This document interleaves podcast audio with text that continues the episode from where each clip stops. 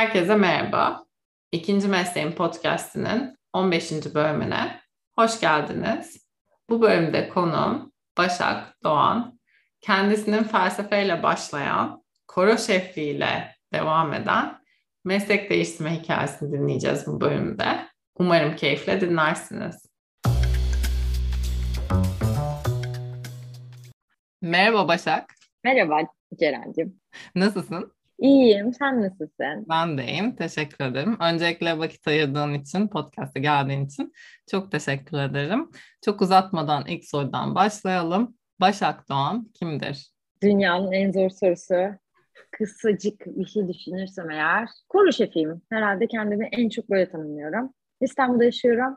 Hayatımın çok büyük bir kısmı koro, koruculuk, korular, koro müziği ve onunla ilgili olabilecek her şeyle geçiyor.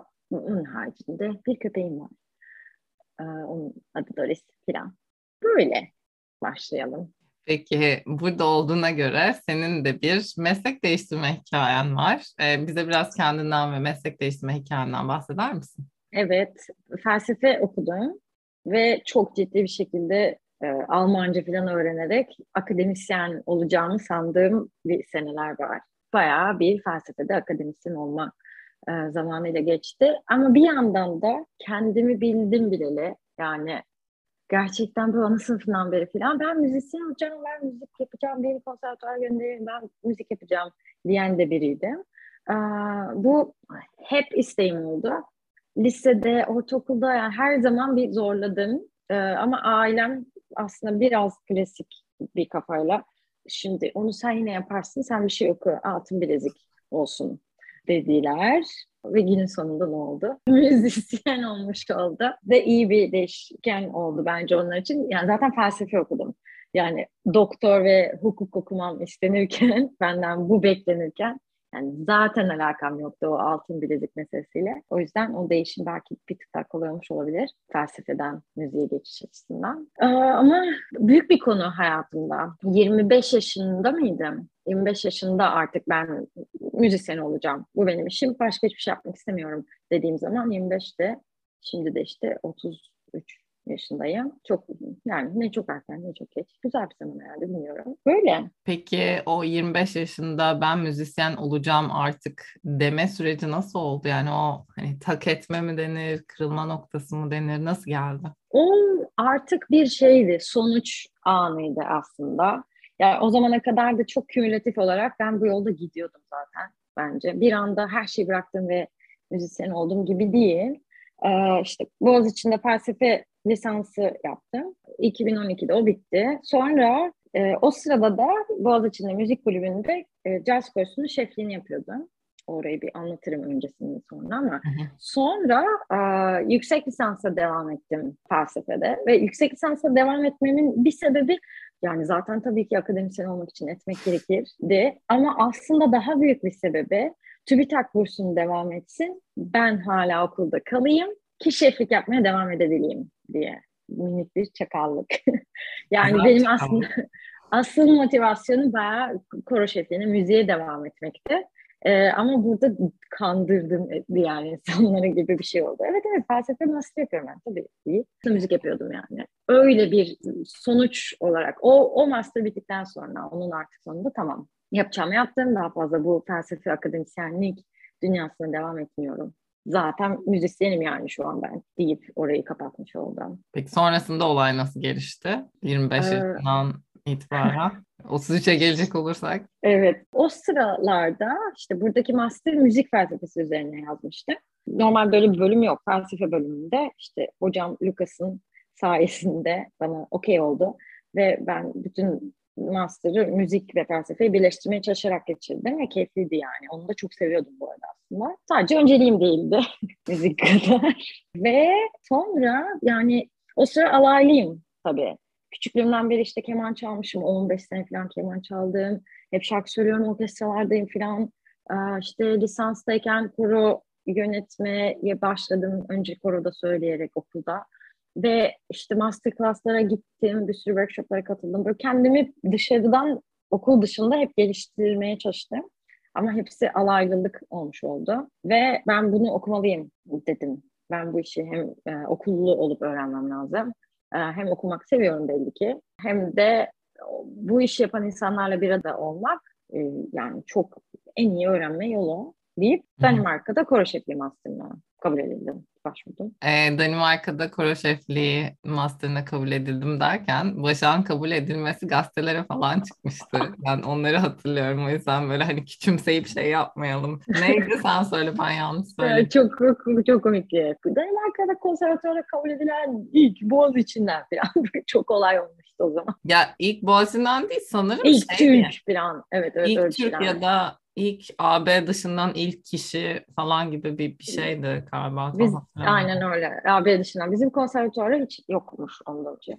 Yani evet. E, güzeldi. Tabii ki çok gururlandım. Ama bir yandan da şey çok olay olması da komikti yani. Daha çok gurur verici bir e, şey ne denir haberdi öyle diyeyim. Peki sonrasında ne, nasıl devam etti? Yani Danimarka'ya koro şefliği master'ına gittin. Ondan sonra o bitti. Sonrasında işler nasıl gelişti? Yani şey master ve sonrası gibi değil de her şey böyle şey katman katman şimdi bakınca. Yani o master zaten şeflik yaptığım koroyla çalıştığım da bir master. Hali hazırda ben zaten okuldan Boğaziçi'ne mezun olduktan sonra bir koro kurmuştum. Kromas. Hala da var. 2015'te işte 7 sene geçti. Onunla zaten çalışıyorduk ve bir sürü işte yurt dışında festivallere, yarışmalara bir şeylere katılıyorduk. Çok fazla konser yapıyorduk falan. Zaten master sürerken bu bu şey devam ediyordu ve ilerliyordu. Şimdi de ilerlemeye devam ediyor. Master'ı ben uzattım tabii ki. Buradakini de uzatmıştım. Neden? Çünkü daha uzun süre öğrenci olmayalım e, Danimarka'da diye. E, o yüzden tezimi geç verdim. Pandeminin başında tez yazdım. Biraz zordu. Ve e, ve sonrasında tabii ben orada okurken okuduktan sonra benim kendime dair hissim çok değişti. Çok daha rahat hissettim kendimi. Ya ben bunu okudum evet. Tabii ki yeni çok şey öğrendim ama en büyük katkısı bana bence ruhsal ve mental olaraktı. Ben de artık bu ekiptenim gibi bir yerden. Ve gerçekten okul hiç burada kaç sene okuduk işte 20 25'e kadar bir okudum. Ee, görmediğim pedagojik bir cennet diyebilirim yani. Herkes çok yapıcı, hocalar inanılmaz kucaklayıcı, çok teşekkür ediyor. Hata yapsan çok okey, hata yap diye gözün içine bakıyorlar ki biraz daha rahat hisset kendini falan. Müthiş bir tecrübeydi orada okumak. Hocaların e, yaklaşımı dışında daha başka farklı ve sana iyi gelen bir şey var mıydı? Bunu şu anda sırf e, meraktan soruyorum. Vardı. Türkiye'de şimdi koro müziği çok niş bir şey yani çok az koro var. Gerçekten artıyor tabii geçtiğimiz yıllarda da artmaya başladı ama yine de yani Avrupa'daki bir yerle karşılaştırınca çok çok az var. Bir taraftan hep şey düşünüyorum o yüzden. Koro mu? Koro, yok ki. Yani olmayan bir sektörde çalışmaya çalışmak gibi. O da o, o yani koronun olmayışı gerçek gerçekten biraz böyle şey yokluk o yoklukta var etmeye çalışmaktan bayağı zor. O bana bir şey kattı. Ee, diğer mesela Almanya'dan, Hollanda'dan zaten korunun içine doğmuş insanlarla aynı şeyi yapıyoruz. Ya bu çok kıymetli. Aynı sevgiyi besliyoruz bu işe karşı.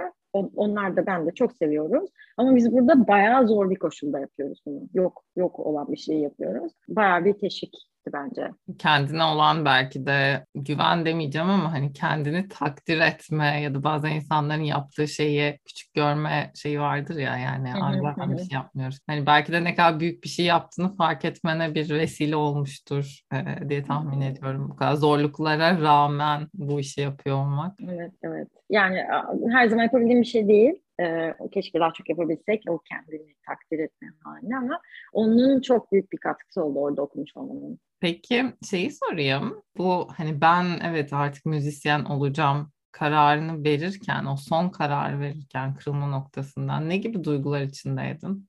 Galiba o kararı çoktan vermiş olduğumu ve yani çok küçüklükten beri o karar verilmiş zaten. Ben sadece oyalanıyormuşum gibi hissettim diğer şeyleri yaparken ve işte boğaz içine girdim falan. Bunlar da böyle istediğim şeyi yapabilmek yani müzik yapabilmek için özgür olmak adına tiklediğim başarılar gibi sanırım. Yani evet tamam işte yaptım daha, daha ne yapabilirim? Bunların hepsi tabii anne babama ve onların nezdinde tüm kültürümüze geliyor. Sadece o ikisine değil yani onlar da aslında zihni açık okumuş etmiş insanlar ama öyle değil yani. Tüm koca bir toplum baskısı hali var. Ve ben onu böyle hafif trik etmişim gibi hissettim. Zaten ben bunu yapıyordum ve yapacak. Ve her zaman önceliğim müzikti yani. Şimdi Boğaz içindeyken derslere pek girmeyip sınavları yapıyordum. Öyle bir şey koymuştum kendime. Ödevleri teslim edeceğim. Dandik de olsa sınava gideceğim. Ee, ama derse girmeyip müzik kulübünde geçirebilirim bütün hayatımı. Ki öyle oldu. Mesela lisedeyken liseyi yatılı okudum. Şeyde Kabataş Erkek'te. Yine orada da hiç ders çalışmıyordum. Bir de yani çok çalışkan bir okul. Herkes test çözüyor falan. Ben sadece müzik yapıyordum. Sürekli müzik odasına gidiyordum.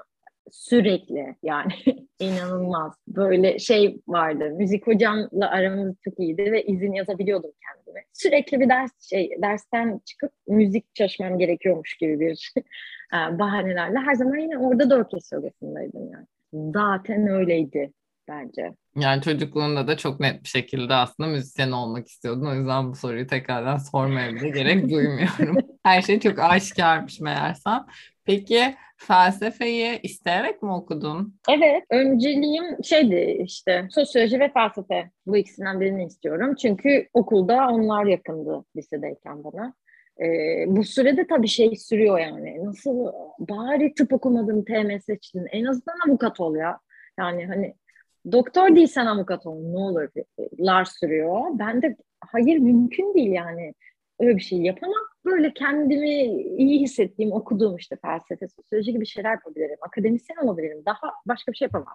Bunun pazarlığını yapıyordum o sırada. Ee, o yüzden o sırada müzisyenlik mesleğini gerçek olabileceğine inanmadığım için ben hep müzisyen olmaya çalışıyorum ama olamıyorum ya.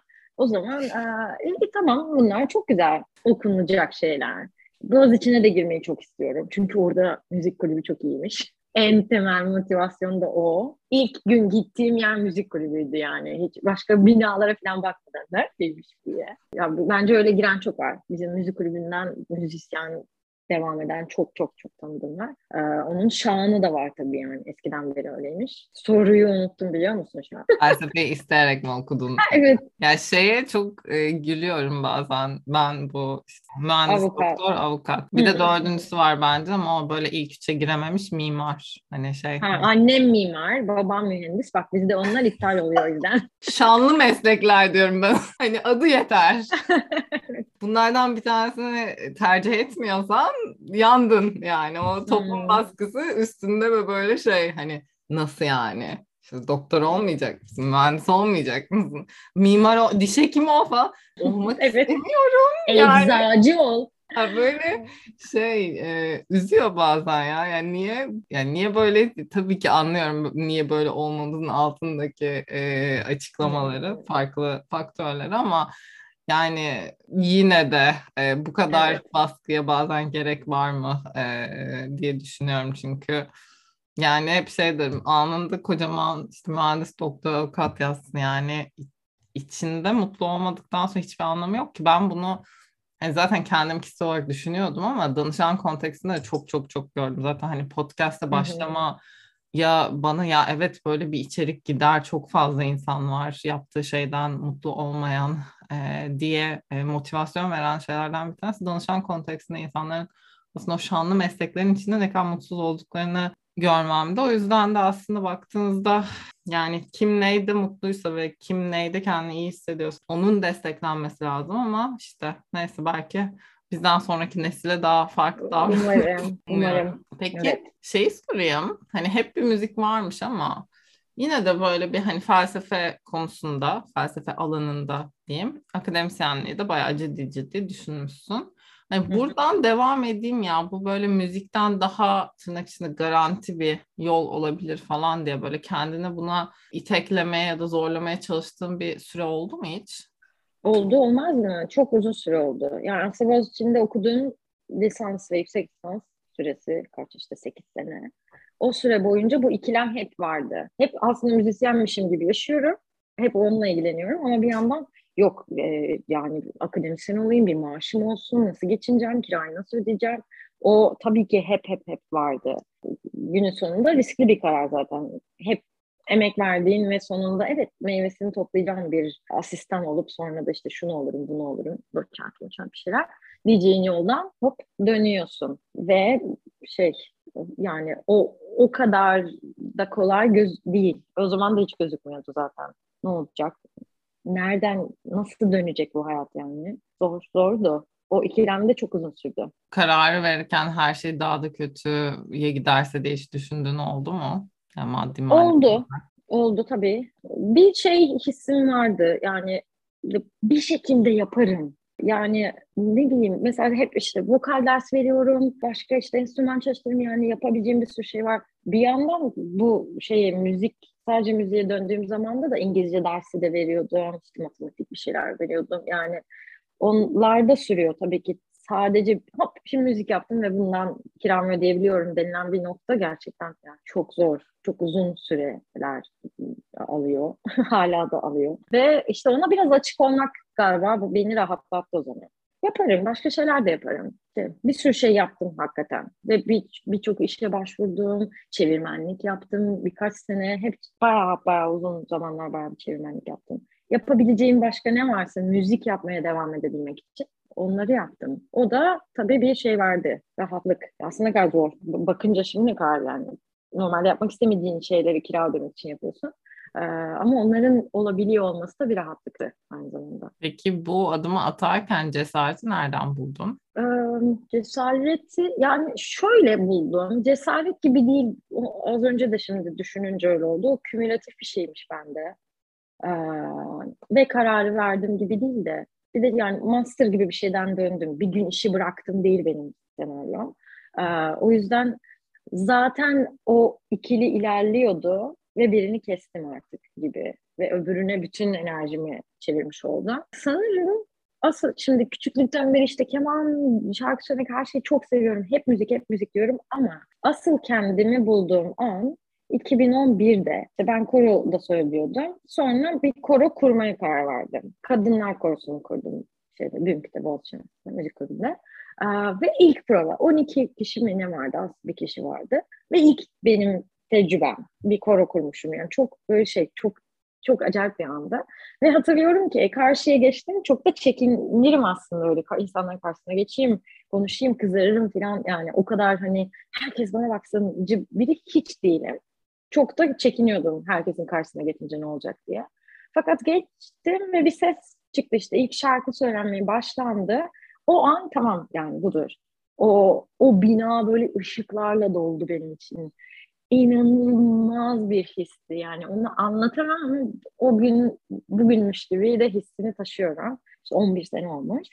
Ee, o mesela benim için çok büyük bir kırılma anıydı. Hayatta en sevdiğim şeyi şu an buldum yani tamam buymuş. Tık kabul edildi. Budur. Peki koro solistliğinden hadi ben bir koro kurayım noktasına nasıl geldi olay? Ee, o da işte Boğaziçi'nin bence şeyi açık kafası. Ee, öyle ama işte 40 senedir şeyler varmış işte korolar varmış ee, zaten kulüpte. Şimdi 40 diyorum da ben kaç yaşındayım? 50'yi geçmiş olmalı şu an.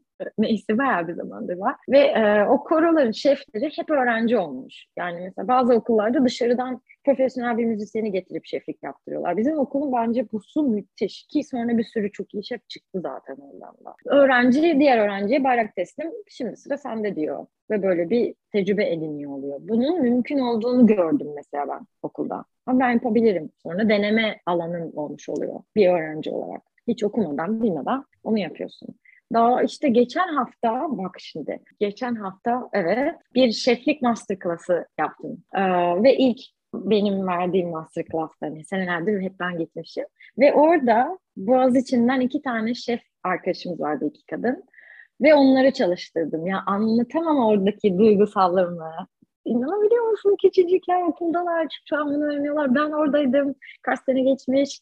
Şu an ben çalıştığım falan böyle e, müthiş bir hissi gerçekten. Ay çok, ee, çok duygulandım. Evet ya ben, ben çok duygu tarafından bağlıyım. Yani öyle bir şey cesur bir yerden değil de zaten hep öyleydi ve onu ortaya çıkarmaya çalışıyordum gibi bir yerden. Peki o kırılma noktasında evet artık hani ben bir tarafı kesiyorum, akademik tarafı kesiyorum dediğin noktada çevre baskılarıyla nasıl başa çıktın ya da çevre baskısına maruz kaldın mı? Kaldım. Yani şöyle biraz değişik bence. Mesela ailem çok uzun seneler yani 2-3 sene öncesine kadar falan artık yani bu benim işim Danimarka'da okumuşum falan e tamam şimdi ne yapacaksın? Bunu oh, anladık. Evet güzel yani doydun herhalde bu işi tamam.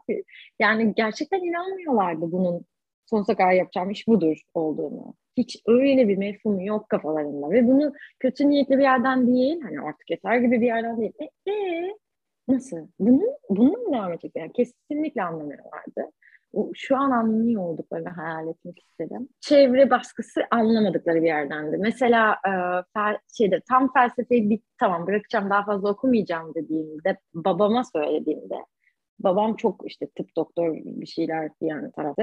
Bana şöyle demişti yani zaten felsefe okudun ve akademisyenlik diyorsun. Hmm, bence çok da fark etmiyor o yüzden tamam müzisyen olabilirsin. Yani müthiş bir güven buna karşı. Zaten kayıpsın sen. Mühendis doktor ya da avukat olamadım. çok yani çok acıydı. Çok gülmüştüm o zaman da. Hala gülüyorum aslında bayağı trajik yani. Hiçbir öyle bir jenerasyon ki yani gerçekten doktor falan değilsen zaten istediğini yap okey. senin kardeşin var mı başka? Ee, ya öz kardeşim yok. Babamın ikinci evliliğinden bir kardeşim var ama çok şey çok görmüyorum. O, o ne meslekle e, meşgul? Ay, çok merak ettim. o iç, iç mimarlık okuyor galiba. Biraz yaklaşmış. Ben de niye? Bir mimar kelimesi var içinde yine. Evet en azından evet evet ya işte öyle yani şimdi bunlara bir baskı ben bunları baskı olarak almamaya çalıştım komik bulmaya çalıştım. Evet komik yani e, ben de yüzüm şekilden şekile girerek güldüm ama e, komik ve trajikomik belki de. Peki meslek değiştirirken maddi olarak kendini garantiye almış mıydın? Yani o 25 yaş civarında evet artık ben müzik yapacağım dediğin noktada bir maddi dayanak var mıydı? Yoktu. Yoktu. Ee, ve işte dediğim gibi bir sürü ikinci işler yaparak e, devam ediyordum. Bir yandan da koro çalışmaları yapıyordum işte. Burada bir, bir iki çocuk korosuyla çalışıyordum. Oradan bir işte gelir elde ediyordum. Dersler veriyorum falan. Öyle hep hep öyle devam etti. Özellikle ilk seneler. Bir garantim yoktu. Zaten şeyi de master'ı da Danimarka'yı da çok çok çok yüksek paralar değildi o zaman. Şimdi değişmişti tabii. Ee, ama onu da mesela aile içinde zar zor toparlayarak yapamayacağız. Kızım galiba olmayacak falan. Böyle bir yerden işte o zaman biraz kredi çekelim falan. Öyle süper kolay bir yerden çok da kolay olmayacak bu iş deyip toparlayarak yani zor bir yerden çok kolay bir yerden olmamıştı onlarda yapacak bir şey yok. Evet, bazen böyle olması gerekiyor evet. herhalde. Peki manevi olarak sana destek olan birileri var mıydı etrafında bu yolda? Arkadaşlarım, o zamanki erkek arkadaşım, şimdiki eşim Can Salih yani her zaman çok şey tabii ki busun sen, tabii ki bunu yapacaksın diyen kişiler onlardı. Çok çok çok destek gördüm. Manevi olarak inanılmaz yanındaydı arkadaşlarım hepsi. Ya çünkü görüyorlar ne istediğini. Ee, sürekli ailemden daha çok yanındalar ve neyin mutlu ettiğini bildiği için arkadaşlarım e, bence çok şey, şanslıyım ya o konuda. Süper. Peki e, bu kararı verirken hani artık felsefe konusunda akademik bir şeyler yapmaktan ziyade ben müzisyen olacağım artık tam zamanlı derken bu zamana kadarki emeklerim boşa gitti diye hiç düşündüğün oldu mu ya da öyle bir yani sonuçta bayağı ciddi bir vakit harcamış oldun 8 sene kadar akademik dünyada. Hayır, hiç düşünmedim hem de. Yani şeye de inanıyorum. Bir şans olarak görüyorum. O yani bu bölümleri okumuş olmak da bana çok şey kattı. Ben zaten küçüklükten konservatuara girseydim mesela işte keman bölümüne girseydim. Sonra işte bir orkestrada keman çalsaydım falan. Yine güzel bir hayat olabilirdi. Ama bu felsefeyi okuduğum zamanların hem bana kattığı dünya kocaman. Yani seviyordum çünkü. Ee, hem de bence işte Boğaziçi çok iyi bir okuldu o açıdan. Yeni bir fikir her zaman olabilir. Yeni şeyler bulabilirsin böyle böyle bir cümle geziyor gibi hissediyorum ben okulda. Şu an maalesef böyle bir yere benzemiyor ama biz okurken en azından öyleydi. Ve o da bir şans. Çok büyük yani, şans. Pardon, bir şey hiçbir pişmanlığım yok. Aksine bu da böyle oldu, iyi de oldu diyorum bir yerde. Ya da öyle görmek istediğim için. Ya çok fazla Boğaziçi güzellemesi yapmak istemiyorum podcast'te. Çünkü zaten çağırdığım insanların yarısından fazlası Boğaziçi'li. Yani ya kendi arkadaşlarım ya arkadaşlarımın arkadaşları vesaire olduğu için hep böyle ya Boğaziçi'de ne güzeldi ne çok şey kattı bize falan gibi muhabbetler ister istemez çok dönüyor ve başka okullardan olan insanların bunu dinleyip biraz rahatsız olabileceğini düşündüğüm için çok böyle hani Boğaziçi güzellemelerinde e, kaybolmak istemiyorum ama gerçekten Boğaziçi yani e, bölüm olarak beni çok mutsuz etmiş olsa da çok isteyerek girip sonrasında çok mutsuz olduğum bir bölüm olsa da bana çok fazla şey kattı. Yani bana sonuç olarak şu anki mesleğimin kapılarını da açan bölüm Boğaziçi Kimya'dı. Yani gıda kimyası, biyokimya vesaire alarak ben evet ya buna gerçekten ilgim var ve bunu yapabilirim diye düşündüm ve direkt cumburlop diye atladım suya zaten hiç düşünmeden. İyi ki de atlamışım, iyi ki de öyle olmuş. Ama başka bir okulda olsaydım belki zaten öyle bir ders olmayacaktı. Öyle bir ders olmadığı için onu deneyip göremeyecektim. Çünkü seçmeliydi yani şey, bölüm seçmesiydi. Ve sonrasında belki apayrı bir yola gidecektim. Yani en en en basitinden e, bunu evet. sadece söyleyebilirim. Yani böyle sürekli bir e, deneme yanılma yapmaya ya da hani yeni bir şeylere böyle bir hani kapıyı aralayıp bir ayağımı sokup bakmaya izin veren bir ortam vardı bence e, akademik olarak da hani sosyal e, sosyokültürel olarak da belki evet. e, onun belki de yani bize kattığı e, şeyler sayesinde bu noktalara gelebildik diye düşünüyorum. Bu da büyük bir şans. Evet. Evet yani diğer okullarda da vardır eminim. Ama tabii biz kendi yaşadığımızı anlat yani. Gerçekten mesela çok fazla müzik dersi aldım. Bizim bölüm çok iyiydi. Sizinki öyle şey değildi bence. Unrestricted seçmeler falan. Altı tane vardı galiba. Aa, Sonra... çok iyi. Sonra bir de şöyle bir şey oldu. Biz bölüme girdiğimizde matematik fiziklerden dörder tane vardı. Ben hı hı. 2008 yılında başladım bölüme. Sonra iki sene sonra galiba ya da bir buçuk sene sonra falan o matematik fiziklerin e, zorunlu olan kısmı 3'e indirildi. Yani dördüncü hmm. matematik ve dördüncü fiziği zorunlu olarak şey okuma zorunluluğunu kaldırdılar. Zamanında ilerleyen insanlar evet ikinci sınıfın sonunda o işte ikinci sınıfın ikinci dönemde olan dördüncü matematik ve fizik derslerini zamanında geçen insanlar o dersi almıştı. O dersleri almıştı. Ben ve benim arkadaşlarımla hiçbiri geçemediği için zaten o, o şeye gelememiştik. Ve bir anda o iki ders kaldığında 8 kredi boşaldı. Hmm. Ee, ve ekstra 8 kredi daha seçmeli ders alabilirsiniz dediler ve neredeyse 3 hmm. tane daha ekstra seçmeli ders geldi. İşte bir tanesi e, bölüm seçmesi, bir tanesi işte yarı böyle işte psikoloji, sosyoloji falan gibi olan kategori seçmeyi evet. bir tanesi serbest seçmeydi galiba. O yüzden bizde de bayağı vardı. Ben de bayağı işte ne bileyim filmdir, fotoğraftır, sanattır falan bir sürü ders almıştım yani alakası olmaya. Ve onlar bile hani çok büyük bir bence şans çünkü farklı bir şeylere bakmak istersen e, akademik olarak ya da kendi sadece hobisel olarak geliştirmek istediğin için neyse fırsat veriyordu yani o anlamda evet. bence çok iyiydi. Evet evet şans, kesinlikle öyle. Evet, bir evet. de şeyi söyleyeceğim. Kendim hiç müzik kulübüne e, şey yapmadım. Yani girmedim, bakmadım orada ne oluyor. Çünkü ben radyocuydum. radyo bazı. ben de radyo şeyi yani ilk, ilk dönemden radyoya girdim ve sonra hep radyo etrafında dolandım öyle diyeyim. E, ve hani radyocular da çok böyle o radyo radyo hani yani o senin bir parçan olur yani. Radyoya evet. gitmiyorsan evet. bütün arkadaş çevren oradan oluyor falan filan neyse. Etkinlikler bilmem ne. Ama müzik kulübünün daha da bir kült şeyi vardı yani. Müzik kulübü çünkü bilmiyorum belki provalardan vesaire de belki çok fazla hani herkes herkese haşır neşir oluyor ve çok fazla birlikte zaman geçiriliyor ve böyle hatırlıyorum hani Sima işte müzik kulübündeydi. Evet, evet. Yani şey hani bölüm arkadaşlarından çok bümk insanlarıyla takılıyor. Evet. Çünkü hani bir şekilde takılman gerekiyor zaten. Evet. Provadır, odur, budur, şudurdan dolayı. Müzik kulübünün belki de öyle de bir ekstra avantajı vardı diye düşünüyorum. Çünkü daha da çok seni belki böyle içine çeken, evet, evet, evet. ve... Bütün ortamın ve komüniten orası oluyor. Ve dediğin gibi çünkü sürekli provadasın e, ya da işte bir toplantı oluyor bir şey oluyor ve çok e, kalabalık bir ekip orada yani işte koronada 40 kişi vardı işte bir sürü alt birimler bir şeyler vardı. Oradasın ve turneye gidiyorsun. Ah, evet doğru. binip Ege'ye gidiyorsun bir şeyler başka şehirler onun zaten hiç unutamayacağın tecrübeler oluyor falan. Ee, onlar da bence çok bağlayıcı unsurlar. Or- oraya ait hissediyorsun. Bizde daha çok bir günlük partiler oluyordu.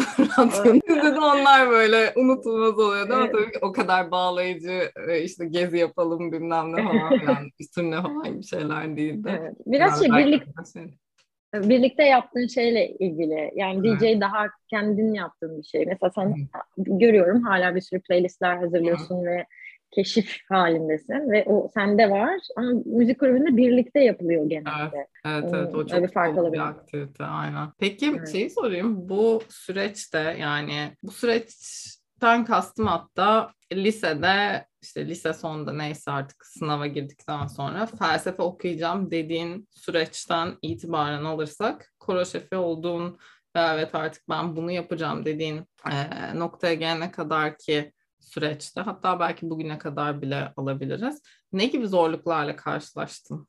Çok zorlukla karşılaştım bence. İşte güvensiz ekonomik belirsizlikleri falan zaten konuştuk. Onu bir kenara bırakıyorum. Mesela kimsenin inanmaması var. Bak ilk aklıma o geldi.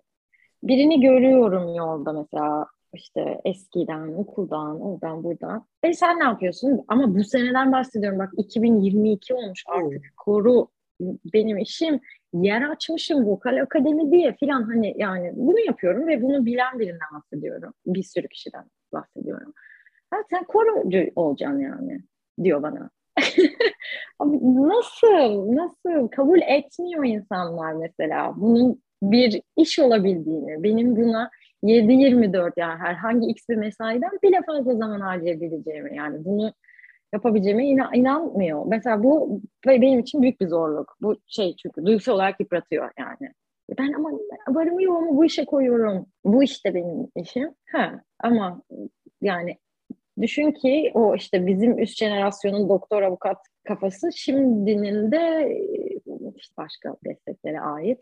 Yani kendi yaşıtlarımız bile mesela şu an bence ikna olmuyor müzik. Yani benim durumumda bir de müzik müzisyenim ama müziği de her çok böyle genel geçer herkesin bildiği bir yerden değil ya anlatmam da gerekiyor. Koro var çok sesli işte şarkı söyleniyor falan. Ee, sanırım o bana zor, zor geliyor. Çok anlatmayı da beceremiyorum bence.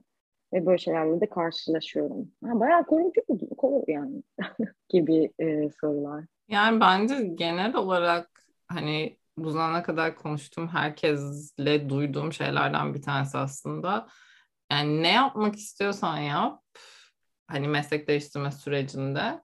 Belki birinci çevren sana inanıyor. O işte çok yakın olanlar ve işte dediğin gibi yani gününü geceni birlikte geçirdiğin yakın arkadaşların vesaire zaten senin ne yapmak istediğini görebiliyorlar ve seni destekliyorlar çünkü senin mutlu olmanı istiyorlar ama o böyle bir, bir tık daha dış circle'a gittiğinde ve sosyal olarak ne yapıyorsun sen ya falan gibi böyle çok e, nasıl diyeyim yani tat kaçırıcı yorumlar evet. ve böyle hani duygusal olarak yıpratıcı Hı-hı. yorumlar geliyor. Belki insanların başkalarının yolculuklarına saygı duyarak diyeyim Hı-hı. en azından susmayı yani pozitif bir şey söylemelerine gerek yok.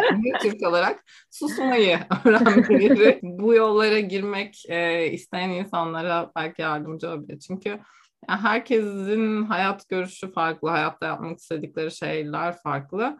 Ve hani İngilizce'de agree to disagree dediğimiz hmm. şey var ya katılmıyorsan sus o zaman hani herkes senin zihnindeki o kalıba uymak zorunda değil meslek olarak hayat tarzı olarak ya da başka şeyler olarak ama e, bunu belki birazcık daha insanların öğrenmesi lazım bilmiyorum. Evet. Peki bu süreçte hiç pişman oldun mu ya da keşke dediğim bir şey oldu mu? Çok zorlandığımda yani olmuyor, yapamıyorum galiba dediğim oldu. Oluyor, hala da oluyor. Özellikle de şey de var, bu tabii meslek değiştirme teması altında değil ama kadın ve şef olmak konusu da çok zor benim için. Çünkü erkek olmanı bekliyorlar. şef, şefsin yani tabii ki. Ve on, o, o bayağı bazen çok zorlayıcı olabiliyor. Hep de oldu. Bundan sonra daha az olur umarım. Çünkü tabii ki öyle bir şey yok. Kadın ve yönetici kişiysen anne gibisin falan yani. Hayır. Bu taraftan çok e, zorlanıp yani yok galiba yanlış yapıyorum şu an dediğim oluyor. Ee, orada da bir durup neden ben bu işi başladım, neden müzik yapmak istiyordum kendime hatırlatmaya çalışıyorum. Çünkü evet o bir çok sevdiğim şey var işte o dışarıdaki o binlerce senelerdir gelen o kültürel herkesin üstündeki baskı ve bazılarının susamadığı ve dışarı akıttığı kılar bazen çok yıpratıcı olabiliyor. Bir de yani akademisyen olsaydın iyiydi ya filan öyle de diyenler oluyor. Çok da şey değil yani iş senin de dediğin gibi aslında meslek değiş, değiştirmek her gün herkesin yaptığı bir şey de olmadığı için bir yolda gitmek daha e, bilindik olan belki o yüzden de çok bilmiyor olabilir nasıl yorum yapacağını insanlar. Evet olabilir. Peki Birazcık da bize Vokal Akademi'den bahseder misin? O böyle laf arasında bir geçti. Soracaktım sonra konu dağıldı. Biraz dinleyicilere yeni bebeğini diyelim. Evet. Ya geçen işte pandeminin ortasında ben mecbur kalıp bir hayalimi gerçekleştirdim. Evet. yani çok iyi ve çok zor. İkisi bir arada. Bir yer açtım Volonti'de. Bu bayağı 200 metrekare dev gibi bir alan işte camlı ve terası bir şeyi. Hep hayalimde. Çünkü prova yapılacak yer yok. Ee, zaten koroların prova yapması için yerler dizayn edilmemiş yani Türkiye'de de çok olmadığı için. Ee, ve bu şimdiye kadar hep işte sponsorlar, bazı mekanlar bize yer veriyordu falan öyle gidiyordu. Ama onlar işte dar toplantı salonları ve uygun değildi aslında ve işte bir festivale Almanya'ya falan bir yere gidince böyle hayranlıkla salonlara bakıyordum. Oh, ne kadar büyük, koro hareket ediyor, ne kadar rahat diye çok heyecanlanıyordum. Bu böyle bir hayalim hep vardı ama 2020'de gerçekleşeceğini düşünmüyordum yani. Ee, mecbur kaldım. Prova aldığımız bütün yerler kapandı ve işte pandeminin ilk yazında ben bildiğim her yeri aradım. Biz yer alabilir miyiz diye. Çünkü koro online olabilen bir şey değil aynı anda yan yana şarkı söylemen gerekiyor. Ee, derken Eylül 2020'de de böyle bir yer buldum ve orayı açmış oldum. Şimdi orada kromasla provalara başladık. E, artık bir yer var o zaman bir koro daha kurayım deyip bir de Vokal Akademi Pop Jazz Sınıfını kurdum. Şimdi orada da 46-45 kişi falan var. O, o da kocaman oldu. Bir yandan da işte böyle workshoplar, işte yeni bir masterclass ve işte koro ile ilgili her şeyi yapmaya devam ettiğim bir yer oldu. Bir alan olmuş oldu ve her, herkesin gelip e, koro ile ilgilenen kimselerin gelip orada işte paylaştığı, şarkı söylediği bir yer olsun diye hayal ediyorum. İlgilenenler bakabilir Vokal Akademi'ye. Evet. Süper. Peki Başak yeni mesleğinde mutlu musun? Aa, evet çok mutluyum. Yani çünkü evet çok mutluyum. Çok seviyorum çünkü. Tüm dış çeperde kalan zorluklar benim için biraz dışında kalıyor asıl sevdiğim kısmım. O da müzik yapma anı, işte koro ile birlikte olma anı. Ee, o yüzden gerçekten çok seviyorum. Ee, ve daha çok sevdiğim bir şey yok bence. Çok şanslı hissediyorum bunu keşfettiğim için. Bir de o kolay bir şey değil ve şey onu, ona minnettarım yani. Bunu keşfedebildiğim için şey minnet doluyum. Süper. Peki sence başarının tanımı nedir ve kendini başarılı buluyor musun? Zor bir soru. Yine bir zor soru. evet. E, ve bir süredir de üzerine biraz şey düşündüğüm ve tanımın kafamda yıkıldığı bir soru. Belki güncel olarak daha çok konuşuyoruz. Başarılı olmak işte e, bundan 40 sene önce müdür olmak, araba almak falan gibi bir yerdeyken şimdi öyle değil ya. E, biz de onu konuşuyoruz zaten. Ee, başarılı olmak galiba severek yapmak, severek yapınca da etrafında da seninle aynı hisse sahip insanların var olması durumu benim için. Ve onu sürdürebilmek sanırım yani gün be gün evet ben bunu çok severek yapıyorum ve bunu öyle bir hisle ve iyi yapabiliyorum ki böyle insanlar yanımda olabiliyor gibi bir tanımım var şu sıra. o zaman şu sıraki başarı tanımına göre sana ait olan başarı tanımına göre kendi başarılı buluyorsun. Evet. İnatla sorup inatla söyledik. evet bu tanıma göre evet başarılı. Peki son sorum. Meslek değiştirmek isteyenlere ne gibi önerilerin olur? Çok yönlü olmak herhalde. Bayağı bir onu konuştuk aslında seninle de. Yani işte sen kimya okurken ben felsefe okurken bir sürü başka şeyler yapıyor olduk. Yani küçüklükte de aynı şekilde lisede, ilkokulda hep yani. O çok yönlülük hem bir deneme ortamı sunmuş oluyor. Aldığın bir sürü ekstra ders, kurs, deneyim neyse onların arasından çarpı ya da artı koyup geçebiliyorsun.